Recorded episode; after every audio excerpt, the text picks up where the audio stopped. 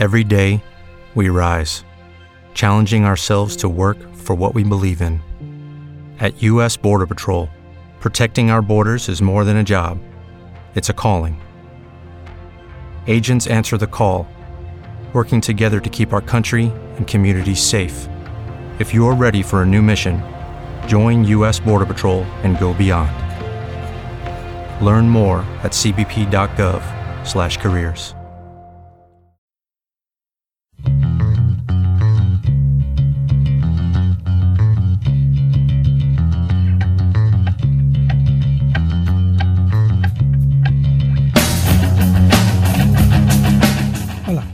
sóc l'Uri Amat i això és Sala d'Espera. Suposo que ja heu notat que no sóc el Jordi Garrigós. No, no he fet un cop d'estat i he enviat els meus companys a Sibèria. Avui farem un programa una mica especial, perquè tant el Jordi com el Joan Ferrús van una mica de cul professionalment parlant. Així que per una vegada he decidit prendre responsabilitat i fer jo solet el programa que teníem pensat fer. Tranquils que no em penso passar una hora parlant sol. Per sort, tinc algú aquí al costat que farà que això sigui d'alguna manera entretingut. Avui m'acompanya un convidat que no sé gaire com presentar, perquè ha fet tantes coses durant la seva vida que qualsevol adjectiu que li posi es queda un pèl curt. Es tracta d'Oriol Rossell, a qui deixaré la feinada d'autodefinir-se. Oriol, per qui no et conegui, com et presentaries tu en un context informal si, si ho haguessis de fer? Músic, professor, periodista cultural... Doncs una mica de tot i un tot de res, sincerament. Uh, bàsicament és uh, la meva vida professional es basa en poder arribar a final de mes intentant fer les coses que m'agraden o que estiguin mínimament relacionades amb les que m'agraden. Aleshores, sí, he fet totes aquestes coses i algunes més, no totes confessables, però vull dir, no tinc una vocació clara de no, jo és que vull ser això... Bueno, sí, ara m'ha donat la neura de que vull ser un erudit, mm. però és l'únic que tinc clar ara mateix. Malauradament, d'erudit no hi ha feina. Erudit underground, no? Exacte, però clar, d'erudit no hi ha feina, amb la qual cosa doncs, tinc que currar de mestre i, i fent uh, ràdio a Ràdio Nacional i aquest tipus de coses. Molt bé. A, a la bio de Twitter hi tens Tàctiques de xoque podcast i Dead Normal. Mm -hmm. Seria amb el que ara et sents més identificat, a part del que facis per guanyar-te les garrofes? Clar, bueno, clar, és que aquí hi ha la, la distinció, no? allò que fas per, per gust mm, i allò que fas per necessitat, tot i que intentis encaixar-ho dintre de l'àmbit del gust ni que sigui tangencialment. Ja. A, mi m'agrada molt ser, fer de mestre, eh? Vull dir, Mhm. la, la docència la disfruto molt, més que res perquè que em paguin per explicar les meves merdes, les coses que m'interessen, em sembla miraculós, no? I la veritat és que m'agrada, m'agrada i, i, i, i tinc eh, dono classes en una escola on tinc dues línies de 30 persones, Mhm. eh, totes majors d'edat, vull dir, Mhm. però la pitjor edat, perquè tenen 18, 19, 20. Ah, vale, això és una escola. Em pensava que era fer... Bueno, a part de la uni, dones classe... Sí, dono classes en una escola de Girona, que és un diploma de producció de música, són 3 anys, Mm i llavors dono classes a primer i a segon. I cada curs hi ha dues línies, clar, són 30 gamarussos per, per línia, però, però m'ho passo molt bé. Ara, clar, a nivell vocacional, a nivell de coses que faig per divertir-me i perquè, perquè les disfruto molt, bàsicament són la banda de Normal i, i el podcast Tàctiques, no? que no, no sempre m'hi puc dedicar tot el que m'agradaria, Mm. perquè també sóc pare de família i Ja. tal, i mil històries, però, però sí, clar, si em dius què fas, dic, home, el primer que dic és això. Clar. El, el que menys calés em dona, per no dir-ne cap ni un, més aviat em dona disgustos i gastos, però finalment, bueno, és el... a més crec que és important, eh, no, no em voldria posar jo aquí en plan autoajuda, no? però a partir de certa edat, eh, si has estat més o menys relacionat amb certs àmbits, eh, és important mantenir aquest tipus d'activitat. No? És quasi un, un, exercici de, un exercici de gimnàstica moral i ètica. De no? Si seguir vols. fent coses per, només pel, pel gust de fer-les, no pels diners. No? Clar, i de, i de no perdre d'alguna manera l'ànima aquest de, del do it yourself i tal, que bueno, jo sempre hi he cregut molt, evidentment Mhm. ara les, les, les plataformes són unes altres i tot és més net i més polit, però, però jo crec que és important. Jo et anava a preguntar això ara. El teu podcast, Tàctiques de xoque, el fas tu sol, amb una periodicitat quinzenal, i a diferència del nostre, que som tres tios parlant com si estéssim a la barra del bar, encara que ens el correm més del que sembla, el, el teu té uns guions molt treballats i bueno, eh, jo estava mirant, si pagues et pots descarregar el guió en format text, Sí. amb bibliografies, playlists extra... Això ho has aconseguit monetitzar d'alguna manera? O, o, bueno, I com, com aconsegueixes Clar, fer, fer 8 hores de classe a Girona i preparar un podcast tan currat? aviam, lo de la regularitat quinzenal és una cosa que posa a la web. Vale. Eh, vale? Això és una que m'agradaria poder fer, però no sempre puc, perquè a més a més estic estudiant una carrera, Hosti. amb la qual sí, perquè necessito una titulació, Ja. soc, uh, soc auto, autodaixonses i, i Autodidacta. autodidacta i no tinc titulació superior i per qüestions de curro necessito una titulació superior i als meus 49 anys m'he liat a estudiar una carrera. Però no, és que, clar, el, la història del Tàctiques és la següent. Jo eh, col·laboro a Ràdio Nacional d'Espanya, Ràdio 4, i afortunadament l'espai que faig funciona molt bé, a nivell de descàrregues de podcast, totes aquestes mogudes, tampoc és que m'hagi preocupat a mi gaire si ha de funcionar bé o malament, però bueno, ha caigut amb gràcia. I vaig estar, a mi m'agrada molt la ràdio, i vaig estar amb converses de, hosti, fer un programa propi i tal, però sincerament amb tota l'estima que els tinc als amics de Ràdio Nacional d'Espanya i perquè no és responsabilitat seva la, el, el que oferien per fer un programa no em va semblar correcte no? aleshores vaig dir, pa, eso me lo hago yo llavors vaig començar a fer el tàctiques que de fet clar, jo no l'entenc com un és que clar, tampoc tenim molt clar què és un podcast vull dir, bàsicament No. és ràdio enllaunada Sí. Aleshores, per mi el Tàctiques eh, jo l'enfoco com si fossin miniconferències. Són Mhm. miniconferències de 30 minuts, eh, amb quatre músiques pel mig.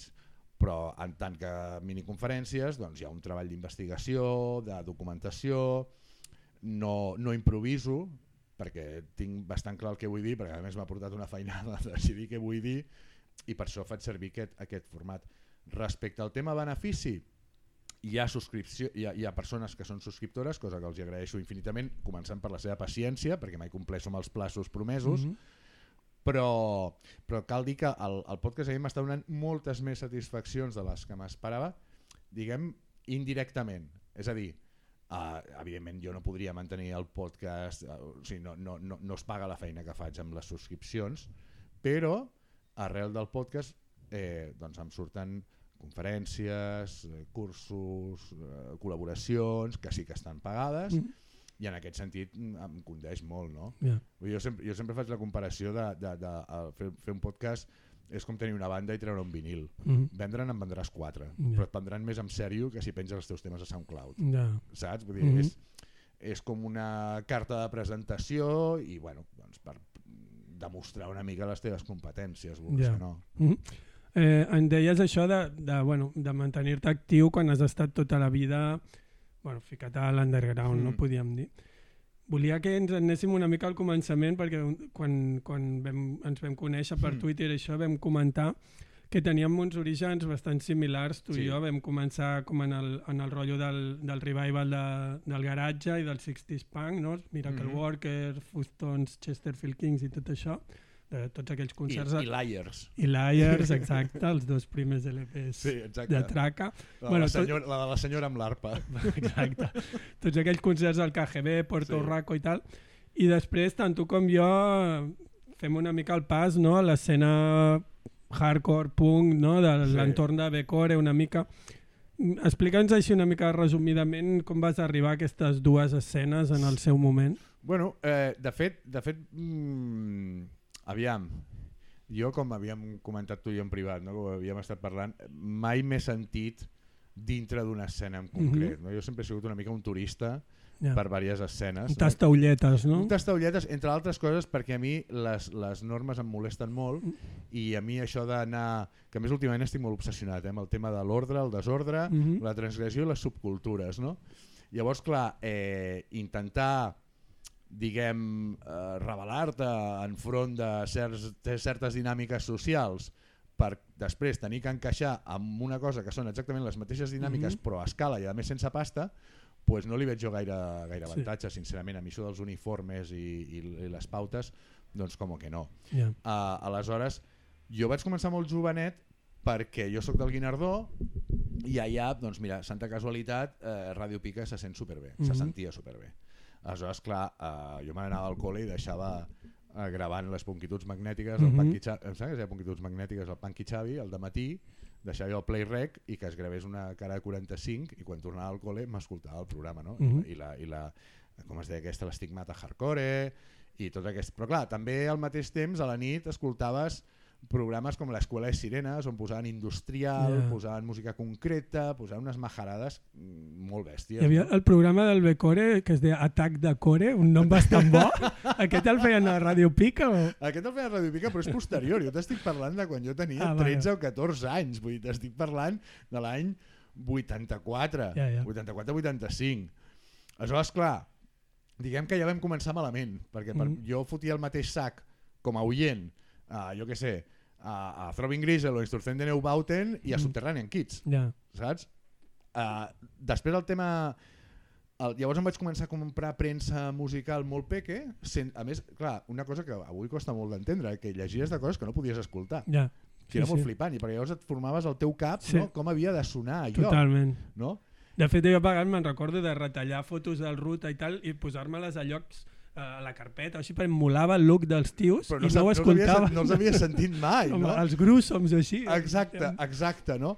Um, aleshores, clar, eh, em vaig començar a aficionar al tema de, la, de les revistes i tal, i un dia, eh, em sembla que feia primer de BUP, eh?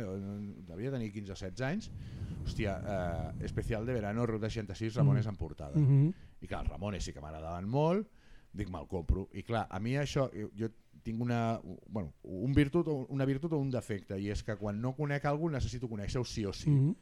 I llavors, eh, clar, obro aquella revista i no coneixia però ni Cristo, yeah. però ni un, Yeah. només els Ramones, saps? A part hi havia un informe, em sembla que era del Rafa Cervera, de l'escena noise rock Era de, de Nova eh, York i tal, Rafa Cervera. i el Phantom Toolboth, eh, Live School, bandes més raríssimes. Ja. I era en plan de, hòstia, però què és esto, no?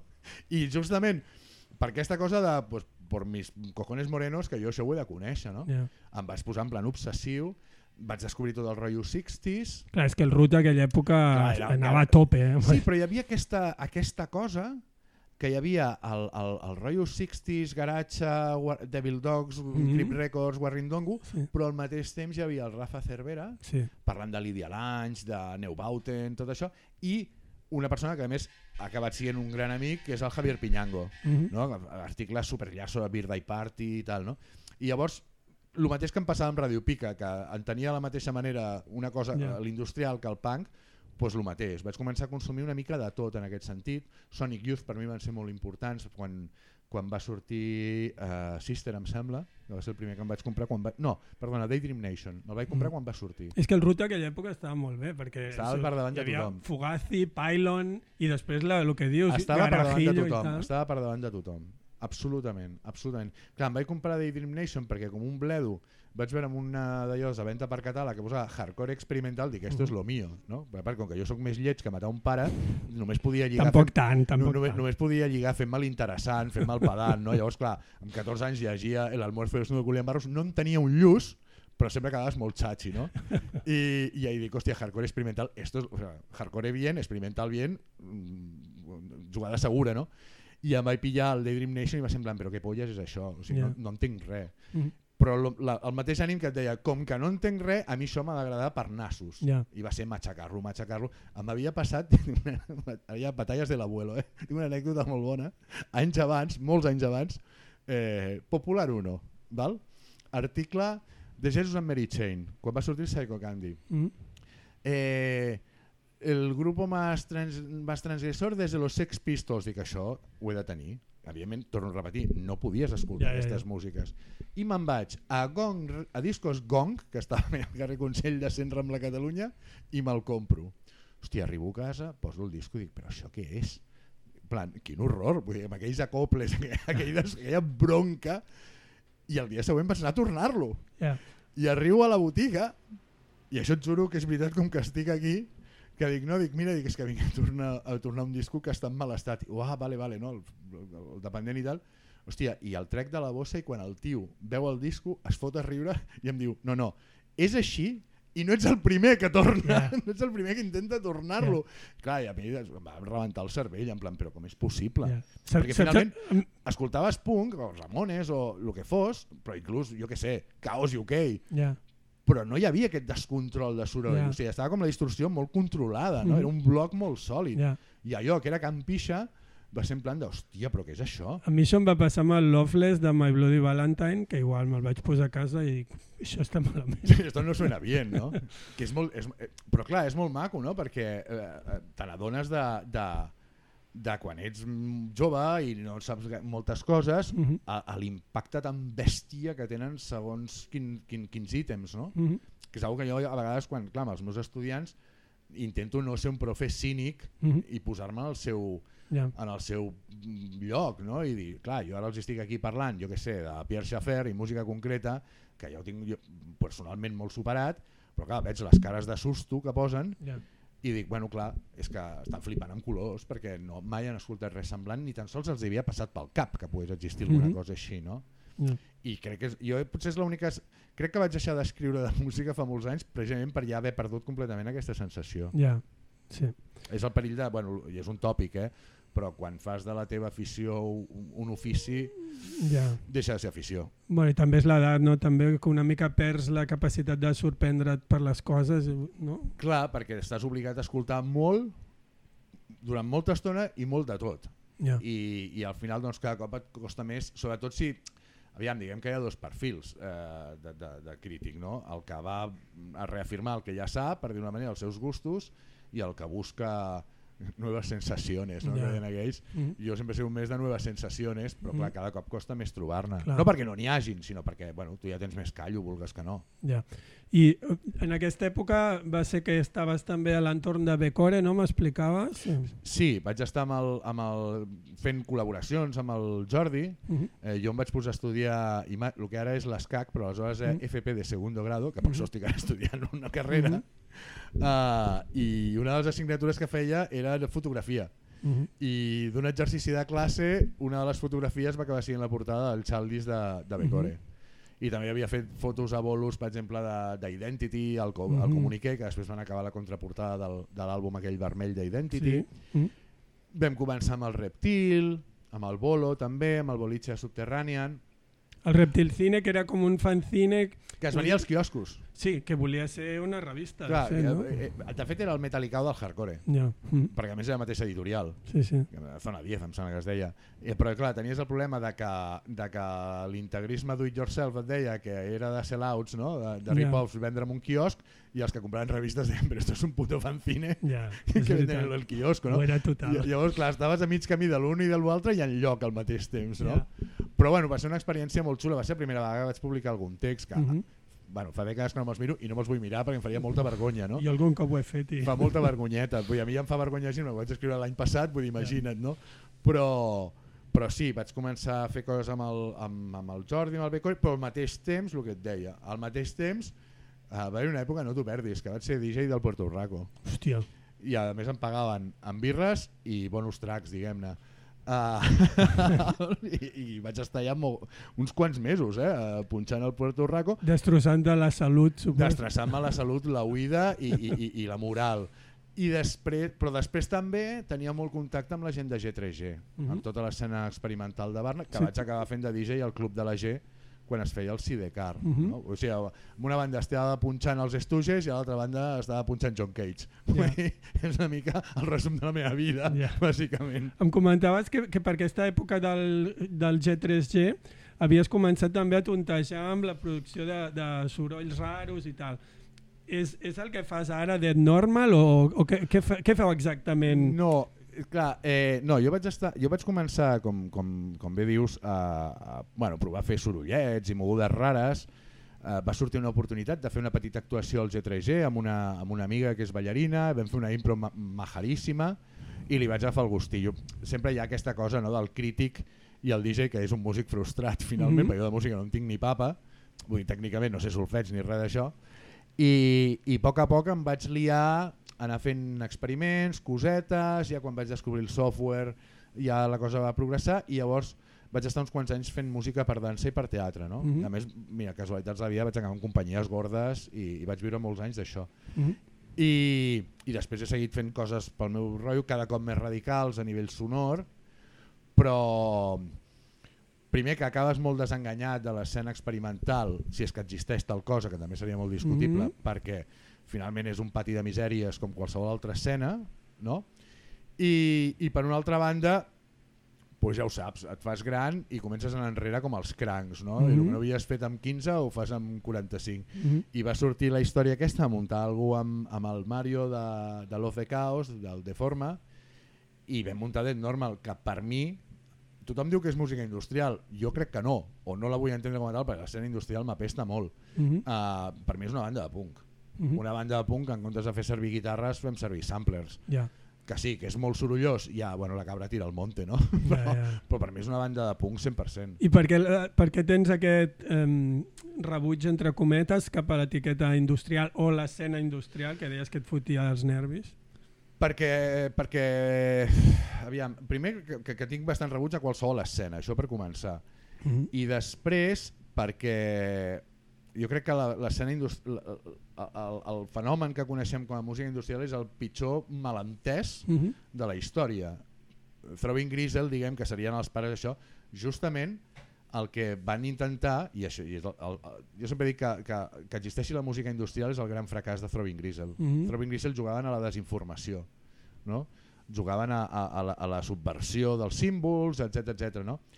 Uh, i, I precisament abogaven per la d'alguna manera, no? més o menys obliqua, denunciar les obvietats del sistema que es reflexen en la cultura pop. Mm -hmm.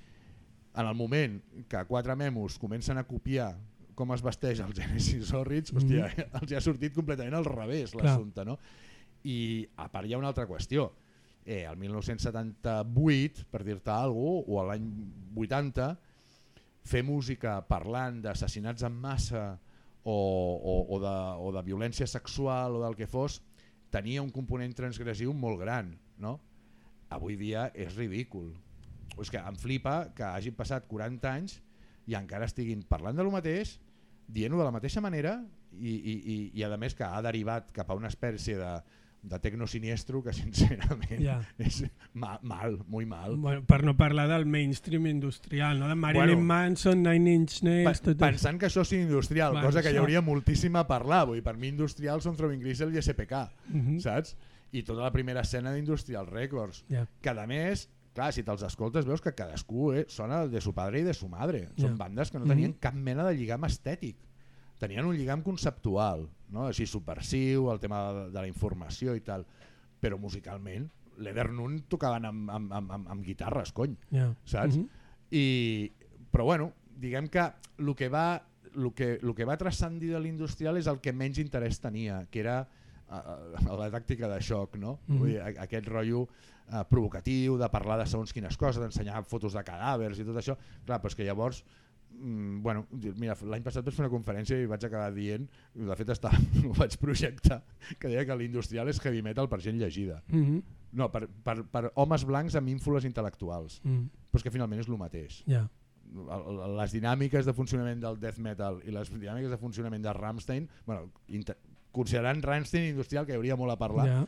són, o qualsevol grup underground de power electronics, o Bizarre Roar, el que sí, són exactament les mateixes. No? Mm. Llavors, en plan, mm, paren que me apeo, o sigui, Ja. jo no vull saber res d'això, serà una criaturada. Llavors tu consideres, bueno, com has dit, que, que Dead Normal és, consideres punk electrònic, no? Sí, sí. És que no em preocupa molt que és, i que de, jo- vull dir, el que sí que és la primera vegada que he fet alguna sense pensar-ho gaire. Ja. De dir, Mhm. hòstia, anem a divertir-nos. Ja. no? I si hem de fer beats molt obvis, no? de xunda-xunda, doncs fem xunda-xunda. Ja, jo ja, què ja. sé, Mhm. saps? És, és, és per donar-li un gust al, go- al, Ja. al cos. I, I dius que vas començar amb el, amb el Mario i la, després ve- veu incorporar la Zoe Valls, no? que és la filla il·lustre de Jordi Valls, de Vagina Dentata Òrgan. Com, Després- com, com va acabar? Bé, després es va incorporar la Zoe eh, perquè jo vaig conèixer la Zoe perquè volia parlar amb el seu pare. Mhm. eh, no és que li fes de manager, però diguem, era Ja. una manera més, un contacte més fàcil, no? Mhm. perquè una cosa que fa set anys que estic escrivint un llibre que no l'acabaré mai, però bueno, Mhm. ja, ja, ja, ja està, no? Mhm. i, i vam, bueno, vam congeniar, ens vam entendre i tal, i llavors jo vaig, el, el Mario i jo vam treure un single, un EP, bueno, un, sí, sí, dos cançons, un set polsades, que encara no es deia, eh, no, encara no es deia normal, era Mhm. Oriol Rossell i de forma, Mhm. Que va funcionar molt, bueno, ens va agradar molt el resultat, vam decidir seguir fent coses, llavors vam pensar, jo vaig pensar, hòstia, una veu femenina molaria molt, Mhm. no? incorporar una dona a, a, a la banda. I llavors li vam proposar, va dir que sí, vam provar-ho, ens va agradar el resultat i a mi se'm va acudir llegint el llibre del, com es diu aquest, el llibre del Peter Hook sobre l'Hacienda de Manchester, Mm -hmm, sí. uh, el vaig llegir en anglès i em va fer molta gràcia l'expressió dead normal, mm -hmm. Mhm. que, que significa alguna així com fotudament normal, mm Mhm. -hmm. algú absolutament normal, Mhm. no? I com dead serious, no? Com Sí, sí. fotudament seriós, no? I em va fer molta gràcia l'expressió perquè justament el que et deia, no volia posar un nom d'aquests de una cosa super sàdica i super fosca perquè, hosti, és que ja paròdic, no? A més, què he de dir? Tio, que soc, tinc dues criatures, soc yeah. mestre, visc amb una, a Sant Just d'Esvern com un pijo, què collons he de venir jo aquí a fer el, pa, el panoli i, i fent aquí un paripé d'algú que no és veritat, no? Llavors, com que valoro molt la honestedat amb la gent, dic, jo el que no faré aquí és venir a jugar al que no sóc. Ja. O, Però- Ui, el que no tinc ganes de ser, collons, que tinc 50 anys, tio. Però, però de ser un projecte així com de dormitori amb els teus amics, bueno, amb, Sí, no? sí, sí. Eh, al final us ha tret el disco la discogràfica de Sleaford Mods, no? Harbinger, Harbinger Sounds. Sí, ens va treure el disc a l'Steve de, de Harbinger Sound, eh, bueno, per contactes que també, perquè la Zoe havia col·laborat amb Sleep for Mods, els havia fet unes Mm. fotos, ella fa de fotografia, Mm uh, i no ho sé, és que va sortir tot molt rodat, ja. perquè era, en principi teníem un punt així de, de grup de costellada, com aquell qui diu, hòstia, i de cop doncs va sortir un vol a Londres, volos a Berlín, eh, talonejar a Sleep for Mods, anar a tocar a Madrid talonejant amb uns que no me'n recordo ni com es deia, una cosa horrible, però bueno, amb sales, gra amb sales grosses i tal, i en plan, hola, hola, hola, què, què està passant, no? Ja. Que a més és el més graciós, el que et dic, quan fas alguna cosa d'una manera molt més espontània, sense pensar ni planificar res, hòstia, i comencen a les coses comencen a funcionar i dius, hola, Mhm. no? Joder, si ho hagués sabut abans, no? Tot el Sí, curro que m'he fotut menjant-me els mocs tota la vida. Ja. Però bueno, el que és que clar, després vam tenir pues, el confinament i allà pff, va haver una bajona perquè a l'estiu diguem del, del confinament havíem de tocar sonar, Mhm. teníem diverses coses aparolades molt xules. ja. I ara no esteu fent res? Ara estem fent, estem preparant, el que passa és que ara estem amb canvis perquè la Zoe ha volgut deixar la banda i de moment seguim el Mario i jo. Molt bé. Em, Però sí, de fet, en, aquesta setmana ens han, que ens fa molta il·lusió, ens han convidat a, aviam si surt, eh, a, a tocar a Roma a l'abril, un festival Mhm. a, a Roma. Però també, un altre cop, ens han fotut en un lloc ple de vampirillos d'aquests siniestros i industrials, amb Ja. Brighter Death Now i no sé què, dius, bueno, mira, jo què sé, doncs pues anem, no? Bueno, Però sempre donem la nota perquè, clar, jo vaig amb samarretes a discharge per dir-te alguna cosa, saps? I tots van amb aquelles coses. Però bueno, mira, està bé, és divertit. Canvio una mica de tema, el tema contracultural que hem parlat. Eh, L'altre dia vaig tornar a l'exposició de, de Palau Robert sobre underground i contracultura a Catalunya als 70. Així has anat per mi. Eh? Així has anat per mi, jo no tinc que anar-hi jo. Exacte. Tu, tu has d'agafar la meva plaça. Exacte. Com les Pues, embarassades que han de menjar per dos, pues, pues tu les visites per dos. pues això et volia preguntar, perquè la- l'exposició està comissariada pel Pepe Ribas d'Ajo Blanco. Ah. Tu, tu ja havies fet de cap de redacció no? de, de, Sí. de la revista. Qui, quin any va ser això? els dos últims anys de- d'existència Mhm. hauria ser del 97 al 99 o del 98 al 2000, ara no recordo exactament. Uh -huh. I com vas acabar patant aquí? Doncs perquè el 90... Jo vaig estudiar imatge i sol, que et deia, i llavors el 94 o el 95, ara no recordo, Uh, bueno, vaig començar a, a escriure ja en revistes més serioses, diguem-ne, bueno, no més serioses, però revistes comercials, Rock Deluxe m'hi vaig estar 10 anys escrivint, Uh -huh. uh, tal, i, i em van donar una beca de la Unió Europea per anar a aprendre, no t'ho perdis, eh, editant vídeo digital, que aquí a Espanya no n'hi havia. Uh -huh. Llavors me'n vaig anar a viure a França uns mesos, em vaig anar a viure a Bordeus. I quan vaig tornar a Bordeus, que jo encara vivia amb els meus pares, quan vaig tornar a Bordeus, després d'estar uns mesos allà visquent sol, dic, ni de conya, torno a casa dels meus pares. Ja. I llavors vaig pirar. Vaig pirar a compartir pis amb un col·lega al Raval, i clar, vaig estar buscant-me curros i tal, i em va sortir curro amb una revista de noves músiques, que en veritat era més aviat New Age i tal, però bueno, a la redacció, i per un ex col·lega del col·le que me vaig trobar un dia i em diu, hòstia, és que treballo a l'Ajo Blanco, a la redacció i tal, envia'm algun text, li vaig enviar un parell de coses i em va començar i res, vaig acabar la redacció de l'Ajo Blanco. Uh -huh. ja et dic, però clar, un Ajo Blanco ja completament desnaturalitzat. Vull dir, un. Ajo Blanco que pertanyia al Mundo perquè formava part del, del, del, del conglomerat eh, empresarial de, del diari El Mundo Uh -huh. i bueno, completament aburgesat. Això et volia preguntar, no? Que el- per, per mi Ajo Blanco és aquella revista que rebia a casa la, la mare hippie d'un amic, literalment. La Mm. Sí, veia sí, sí, i sí. pensava que és això. Vull dir que era una revista que no tenia cap contacte amb les coses que vivíem nosaltres, no? Mm. A, a finals dels 80, als 90. Absolutament. Tu que has treballat i, i has conegut aquesta gent de primera mà, què en penses? Vull dir, a partir dels 70 jo crec que va haver una desconnexió total d'aquesta generació que, del, bueno, dels hippies, no? que tenia una desconnexió total amb les noves subcultures de punks, skins i tot Absolut- això. No? Estar a. Ajo Blanco devies estar una mica... Jo, jo, jo quan, em van, eh, quan em van dir que aquesta amiga, la, la Irina, em va dir que, que la Blanco jo no sabia ni de què m'estava parlant, això per Mhm. començar. O sigui, no sabia. És que per nosaltres no era no, res no, no, aquella no, revista. no vull tenia cap mena de rellevància, no? Era d'una altra generació. Uh, clar, em vaig estar informant i, i, i la veritat és que em vaig il·lusionar perquè vaig pensar, hòstia, una revista cofundada per la CNT, Mhm. no? Eh, llibertària, no sé què, no sé quantos. És veritat que va ser pionera en moltes coses, parlar de, de, dels drets de les persones homosexuals, de la legalització de les drogues, i, clar, i de cop vaig anar jo molt, molt, molt engorilat, no? Però, Mhm. hòstia, com mola, no? Finalment. No? Perquè, clar, una, un lloc on, on, on encaixis amb aquest tipus de pensament i a sobre et paguin. Ja. clar, encaixaves els fanzines però no cobraves. I dic, hòstia, que, bé, no?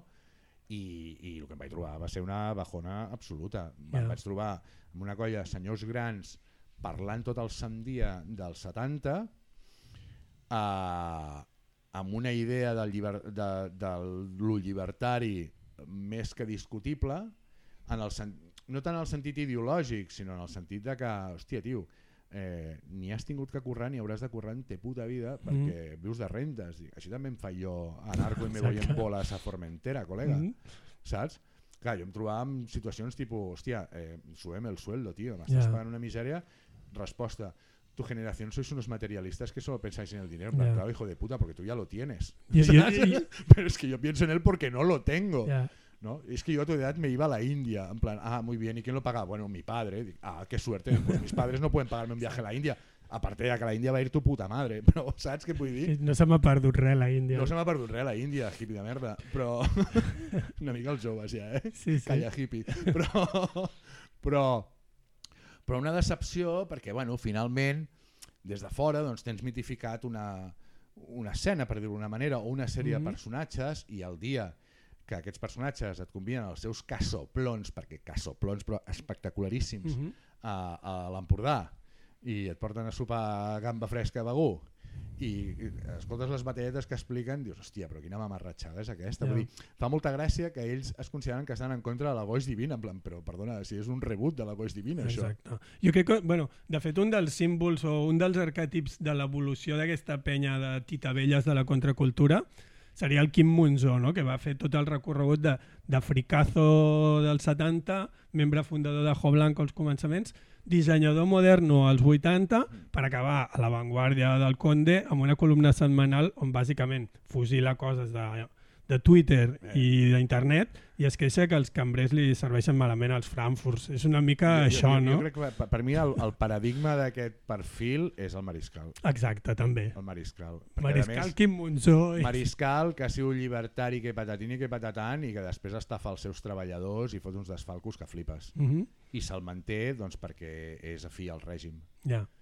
uh, la, meva, la meva companya va treballar amb ell i el va acabar portant a judici perquè li pagués el que li devia saps? Eh, jo tinc un amic il·lust sí. il·lustrador, de fet, que no, mai li van pagar el que va fer per a l'estudi per això. Perico no em faltava mai es veu Ja.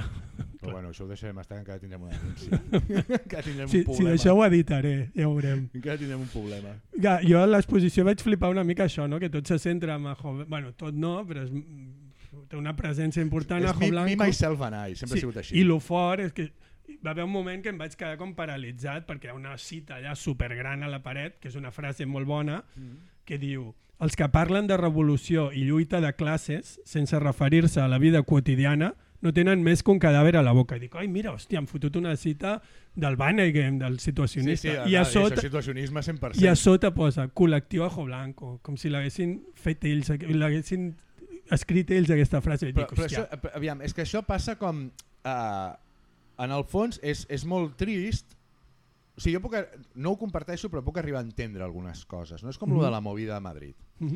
uh, per fer una analogia una mica absurda si vols eh? Uh, hòstia, és que los de la movida en tots unos pijos. En plan, vale, sí, d'acord. Però, i, i és veritat, però clar, qui podia anar a Londres a comprar-se discos i roba? Mm -hmm. La gent que tenia possibles. Exacte. Qui podia saber qui era el Van Egen? Hòstia, la gent que podia anar-se'n a estudiar a Berkeley Mm -hmm. en, en els anys 70. És que és així, Sí, sí. saps? De fet, un cop vaig entrevistar la Semolina de l'antic teatre i, i bueno, de Poppins i tot això, i em va dir això, que quan ella va arribar de Croàcia aquí a Barcelona, que el punk aquí a Barcelona era una cosa totalment de classe baixa, que ningú tenia la roba punk, ningú tenia No, res, Clar, i ella deia, hòstia, a Croàcia, que amb, amb, bueno, ella m'ho deia a l'entrevista, que amb el Tito i tot això era per ser un país socialista era molt, Però molt, obert, molt, obert, molt sí, obert, que sí. arribava tot, fins i tot el Jaco arribava, Això em sembla arribar a totes bandes. i em deia, hòstia, és que quan vaig arribar a Barna vaig veure un país molt, molt endarrerit. Molt- molt Clar, avançat. quan surt de la movida, de tots aquells amb aquelles disfresses i, i publicant discos a la mínima amb grans discogràfiques i tal, dius, hòstia, és que a Barna no era així, vull dir, era... Però és que, clar, és que, és que el problema és que el sistema de classes, eh, i no em vull posar jo aquí marxista, perquè tampoc d'allò, però ho condiciona tot en aquest aspecte. Mhm. O sigui, qui podia permetre's eh, estudiar polítiques i fer un màster sé on? Hòstia, la gent que no tenia necessitat de currar a partir dels 16 anys per, per contribuir a tenir un plat a taula. És que és així, sempre ha sigut així. Escolta, el senyor Marx tenia criades, vull dir, és normal. Eh, no, estic dient que m'agradi, dic que ho entenc Mhm. saps? Uh, aleshores, clar, és que fins i tot, mira, ara m'estic trobant amb una cosa que em sembla una paradoxa brutal, no? que és que si tu estudies una carrera, si vols fer la segona, és més cara. Mhm. La segona, en plan, això què és? Què vol dir això? Ja. O sigui que finalment la gent que tingui una preparació uh, acadèmica, no diré intel·lectual perquè també hi ha molt a parlar aquí, no? Mhm. però una preparació acadèmica, etc és la gent amb possibles. Qui es Totalment. pot permetre estar-se 8 anys de la seva vida estudiant Mhm. sense tenir l'obligació d'ingressar? Mhm. Vull dir, això ja està completament condicionat, no? Aleshores, clar, les elites intel·lectuals normalment són elites econòmiques també. Mhm. I, I això ho vaig veure evidentíssimament a l'Ajo Blanco amb el, el, el disgust, diguem, o el desengany de trobar i conèixer a persones, jo he estat amb, amb persones bastant importants menjant en una taula i veure que, que és tot una patutxada. Mhm. O sigui, que de lo que dius. O sigui, m'estàs parlant d'unes coses i veient com tractes el cambrer que t'està portant el tartar de salmó, n'hi ha per hostiar-te, Ah, saps? sí, sí. És absolutament eh, deshonest. Mhm. Tu que havies escrit el Rock Deluxe, que, Sí. que ara ha desaparegut, cap al començament del, del Primavera Sound, aquest festival que ara és intocable, no? tenia una relació super endogàmica Sí. amb el Rock Deluxe. Quan tu hi eres ja, ja era així? Jo amb el Rock Deluxe no, no, no, no puc mm, queixar-me, vull dir, sempre se'm va Mhm. tractar bé, uh, però sí que hi havia una, mm, no sé com dir una barrera humana uh, que mai vaig aconseguir, tampoc és que m'hi esforcés Mhm. gaire, eh? uh, transcendir-la. No? Uh, vull dir-te, jo vaig estar-m'hi 10 anys. Vaig fer amistat amb en Xavi Cervantes, que Mhm. Bueno, era és cap de és redacció i gran- que és una un- persona meravellosa, un i des d'aquí el saludo guai. i una abraçada perquè és una persona, per mi ha sigut una persona molt important a la meva Mhm. vida, llargues xerrades uh, amb en Xavi, n'he après molt del Xavi, però tant amb el Santi com amb el Cervera no, no hi havia feeling, aquesta cosa de pell, diguem, aleshores la meva relació era molt freda amb la publicació. Jo entrava als meus articles, cobrava els meus diners i adiós muy buenas. Sí que Mhm. quedava amb el Xavi a part, no? Mhm. però mai em vaig sentir implicat amb la marca, per dir-ho d'alguna manera, no? Ja. amb la casa. Aleshores, totes aquestes mogudes ni les sé ni m'interessen gaire, perquè a més et diré que no he anat mai al Primavera. Ja, això, A més- això, de fet la pregunta anava cap A més, la meva, la, jo, jo ja sé que és una vacilada, perquè a més tinc amics que treballen al Primavera, eh? Mhm. molt bons amics que treballen al Mhm. Primavera, però precisament perquè som bo, molt bons amics no parlem del Primavera, Mhm. o sigui, parlem de com est a la nostra edat ja com estan els pares, no? que, que ja estem allà. O com estan els nanos. Però jo sé que és una vacilada i una fantasmada, però sempre dic el mateix. Jo aniré al primavera el dia que hi toqui. Ja. Sí, fins a la... I ja, ja, ja està, ja, ja ho tinc lligat. Ah, sí? Sí. No, no, no, no tocarem al fòrum, però en principi ben normal eh, estarem tocant amb, amb, amb Lightning Bolt. Ah, sí? Hòstia. El, el, com es diu aquesta sala? El Bòveda. Ah, sí? amb això del Primavera a la ciutat, Ah, que em sembla a més són gratuïts. ah pues igual m'hi acosto, pues eh, perquè Lightning al- Bolt... El juny En de... No, directe. no, no, ja, ja. A part és... Hòstia, quina vergonya tocar davant de Lightning Bolt. Ja. Jo hauré de venir disfressat, perquè amb el Primavera tinc una relació No, una no, mica... no, no, però clar, jo no, jo més que res, jo, jo no hi tinc relació, és el que et dic. Eh, és que, primer, que a mi els festivals no m'agraden, I a mi tampoc. i segon, que, que pf, jo és que fa molts anys que no m'interessa la música. O sigui, ja sé que sona molt... Ah, ara es fa l'iconoclasta, no? Però és veritat, vull dir, fa molts anys que m'interessa, per molt cretí que soni, eh, m'interessa molt més llegir sobre música que Mhm. escoltar música. Ja. Perquè al final, eh, potser després de molts anys haver hagut d'estar una mica al tanto de l'actualitat, a mi el que em posa burro és escoltar Northern Soul Mhm. i, i, i, i, i crust escandinau. Ja. Saps? Vull dir, jo em poso Abscom i sóc feliç. Ja. Yeah. Donin pel sac al trap i ja està, puta mare. El que m'agrada, si alguna vegada has escoltat el Tàctiques de Choque, sobretot ho veuràs, que és eh, afron afrontar la música com, com un mirall. Ja. No? La música és un mirall on es reflecteixen tota una sèrie de circumstàncies conjunturals no? I que tenen a veure doncs, amb la política, amb la cultura, amb la sexualitat. I llavors m'agrada molt la música com a punt de partida d'investigació, per dir una manera. Saps? Mhm. Per què el trap és així Ja. i no és això? Saps? A l'ú- a l'últim podcast que vaig fer anava d'això, no? Del Lil, Lil Peep, no, parlaves? El clar, vaig dic, escoltant dic, ahir. dic, clar, dic, dic, hòstia, el trap, les mencions contínues a, als, als uh, ansiolítics i als antidepressius i tal, dic, hòstia, dic, aquí hi ha alguna cosa, no? Mhm. I llavors vaig començar a investigar a partir d'aquí, no? Escolto trap? No. Bueno, ja ho fa la meva filla de 18 anys, no? ja. Ho fa per mi també. Igual que Clar. tu vas a les exposicions per mi, la meva Sí. filla escolta música per mi. T'estem... gua- M'esteu fent la feina, m'esteu fent el llit tot el dia. pues mira, precisament et anava a preguntar això. Eh, Tornant al teu podcast i a Dead Normal, que són els teus projectes més personals, et anava a dir això, que s'intuïa dar darrere d'ells una certa tendència al nihilisme. No? Tàctiques de xoque es defineix com un podcast contra casi todo i contra casi todos. Sí. I el disc de Dead Normal es titula There is nothing left but the enjoyment of senseless distraction. No ens queda res més que el plaer de la destrucció sense sentit. Mm.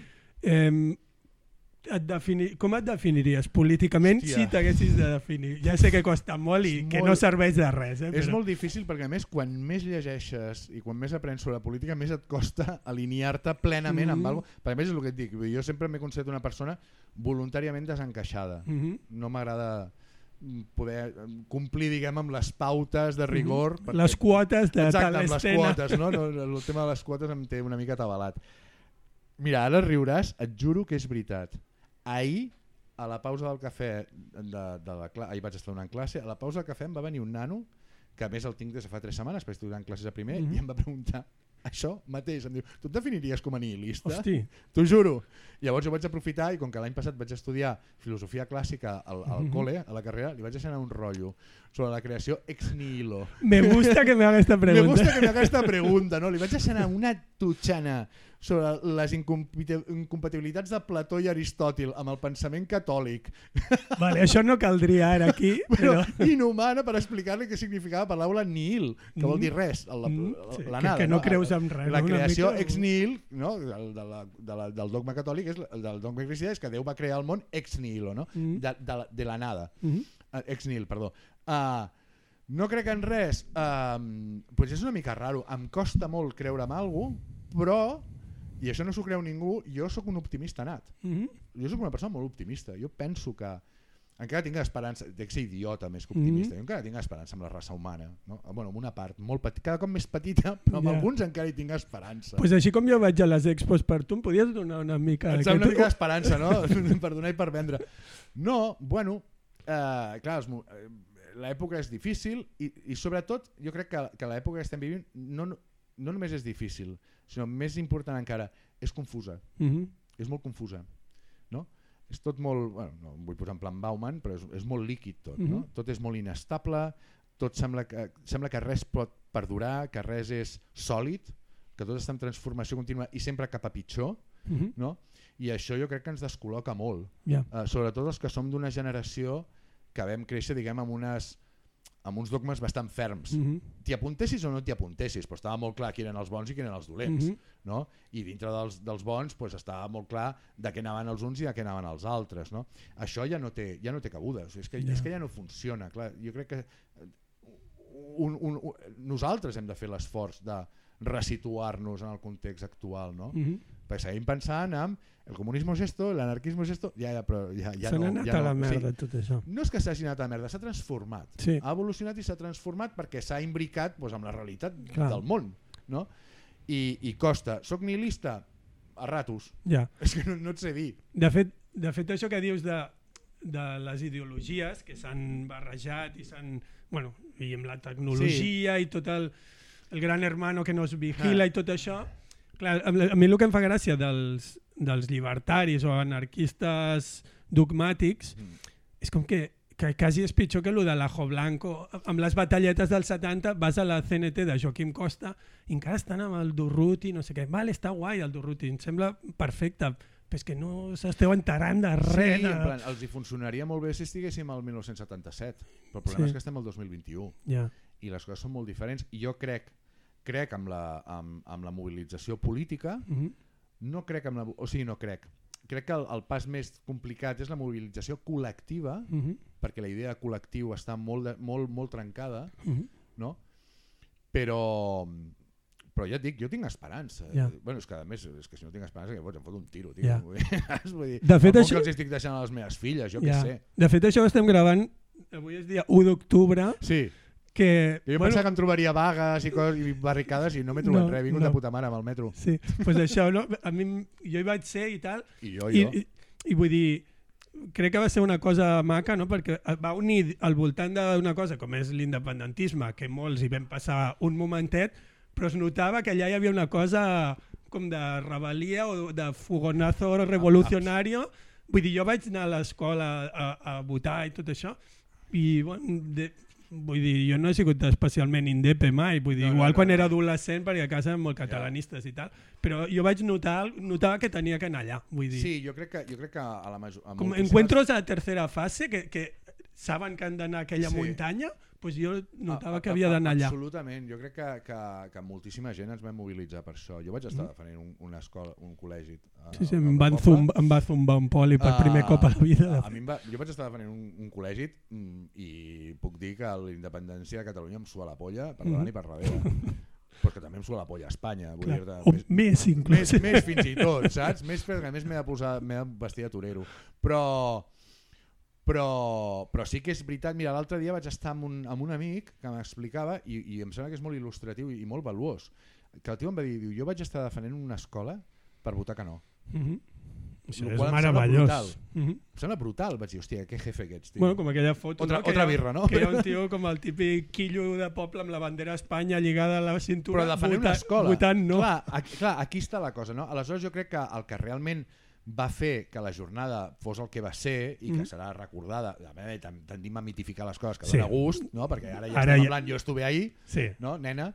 Uh, però sí que jo crec que el que ens va convèncer molts de participar-hi, a molts i a moltes, eh, va ser justament que va ser la primera vegada en molts anys que vam veure la possibilitat d'una mobilització col·lectiva. D'un canvi, encara que fos... Sí, exacte, de molta gent, ajunta, molta gent molt diferent ajuntada per una sola, Mhm. amb un sol objectiu, que no era la independència de No, Catalunya. hi havia molta més cosa Hi allà. havia moltes més coses, no?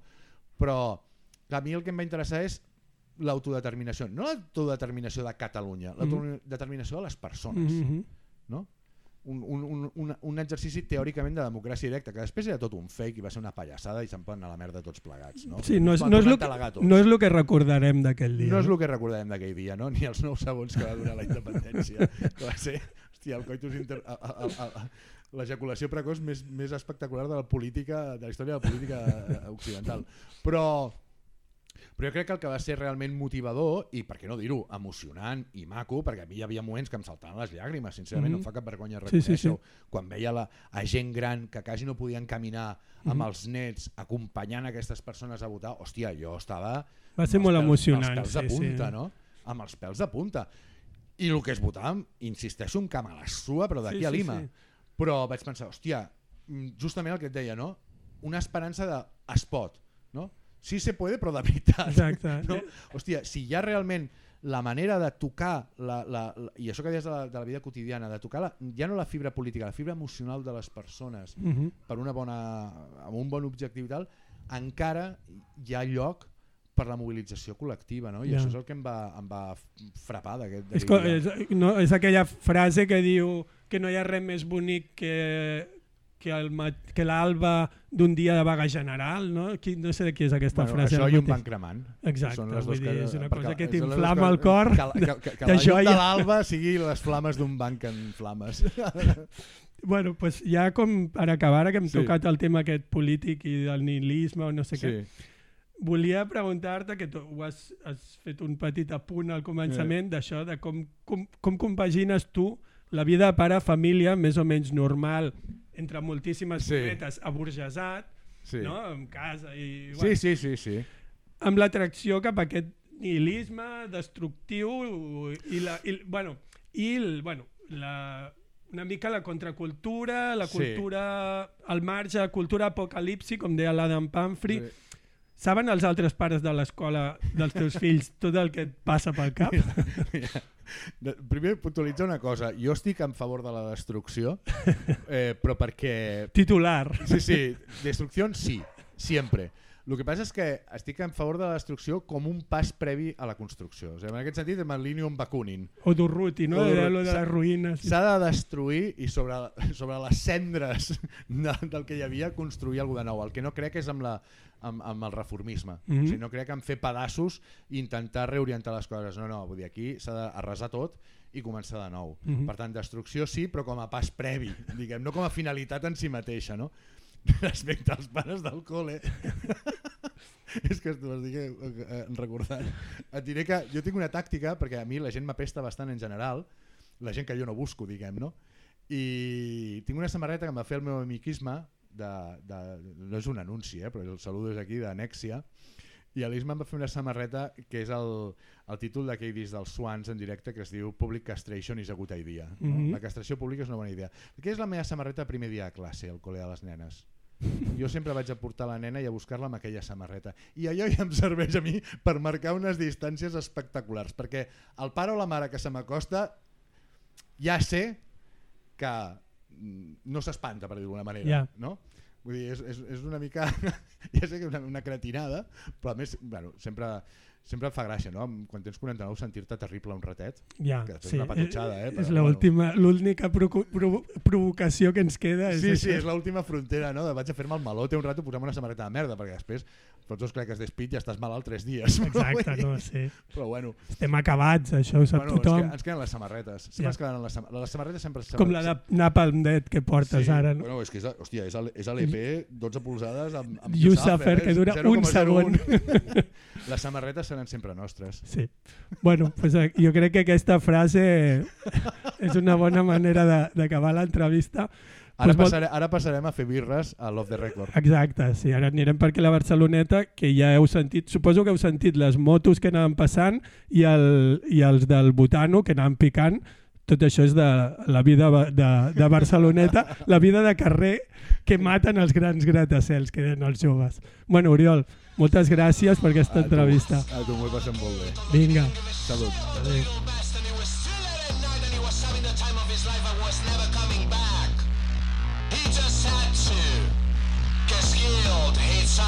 de the truth.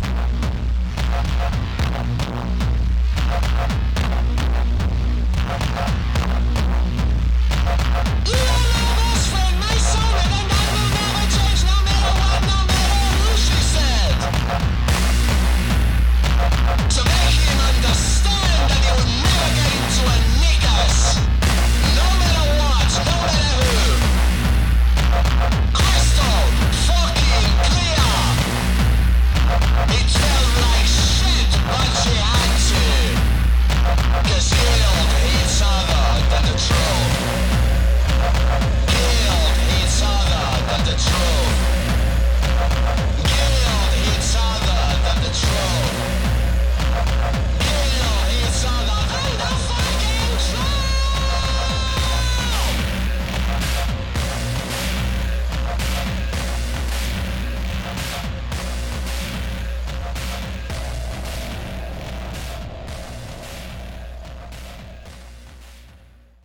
Worked hard for what you have your money, your assets, your 401k, and home. Isn't it all worth protecting? Nearly one in four consumers have been a victim of identity theft.